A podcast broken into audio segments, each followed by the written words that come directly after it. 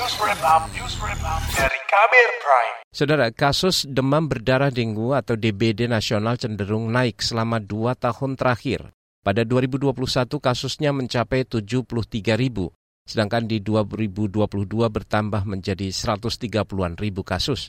Pada 2021 ada lebih dari 700 orang meninggal karena DBD dan angkanya meningkat menjadi 1.100-an pada tahun lalu.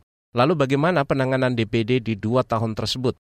Selengkapnya simak laporan khas KBR disusun jurnalis Sindu Darmawan. Secara wilayah, Provinsi Jawa Barat memiliki jumlah kasus baru ataupun kematian tertinggi akibat demam berdarah dengi atau DBD, yakni 33 ribuan kasus dengan kematian mencapai 285 orang. Lalu disusul oleh Jawa Timur dengan 12 ribuan kasus dan juga Jawa Tengah.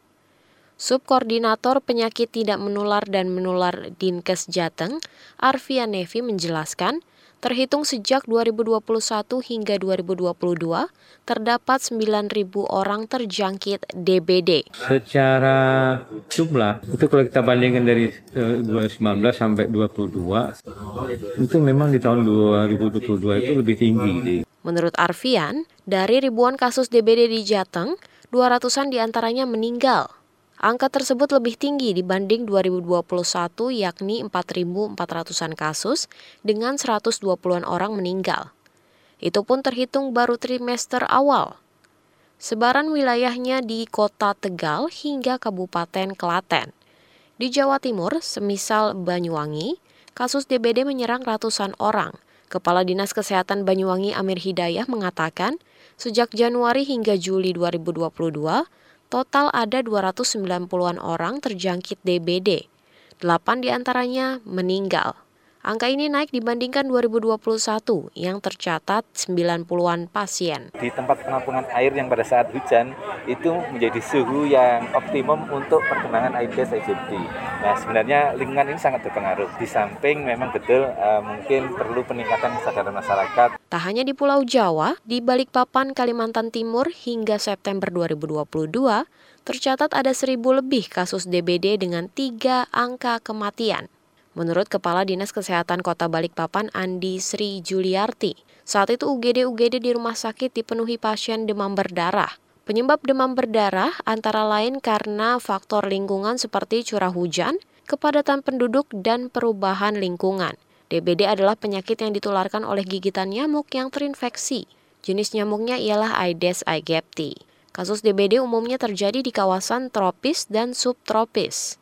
Selama ini penanganan DBD melibatkan kementerian lembaga seperti Kementerian Dalam Negeri. Soal ini, pada April 2020, Tito Karnavian telah mengeluarkan surat Mendagri tentang pencegahan dan pengendalian penyebaran penularan penyakit DBD kepada seluruh gubernur. Menurut salah satu pejabat Ditjen Bina Pembangunan Daerah Kemendagri, Budiono Subambang, saat itu sebagai bentuk dukungan dalam pencegahan dan juga pengendalian DBD selama pandemi COVID-19 bagaimana kita berupaya kebijakan percepatan bebas dengue. Nah, supaya kebijakan nasional ini juga sinkron dengan kebijakan pemerintah daerah, baik di provinsi maupun di kabupaten kota, maka kita melakukan sinkronisasi dan harmonisasi uh, yang dilaksanakan setiap tahun ya. Jadi melalui rapat koordinasi teknis perencanaan pembangunan daerah. Pada semester 2 2022, Jumlah kumulatif kasus dengue di Indonesia tercatat lebih dari 45 ribu, dengan angka kematian mencapai 430-an pasien.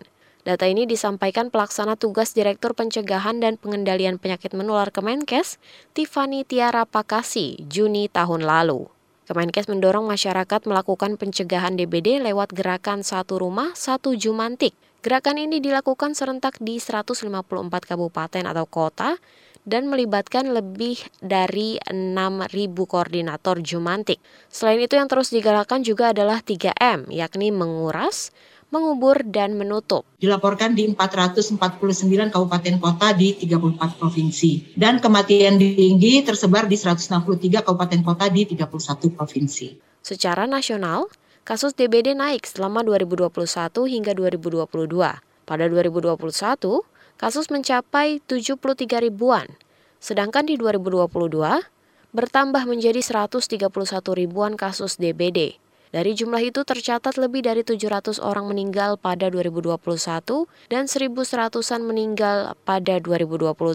Sekira 73 persen kasus kematian terjadi pada rentang usia 0 hingga 14 tahun. Pada dua tahun itu, Indonesia juga masih dihadapkan dengan situasi pandemi COVID-19. Penanggulangan dengue dimasukkan dalam RPJMN 2020-2024 serta Renstra Kemenkes 2020-2024. Melalui rencana pembangunan jangka menengah nasional, pemerintah berkomitmen mengendalikan dengue. Selain itu, pemerintah juga menyusun strategi nasional penanggulangan dengue 2021 hingga 2025. Tujuannya antara lain menurunkan angka kematian akibat DBD menjadi 0,5 persen pada 2025. Demikian laporan khas KBR, saya Astri Septiani. Kamu baru saja mendengarkan news wrap up dari KBR Prime. Dengarkan terus kbrprime.id, podcast for curious mind.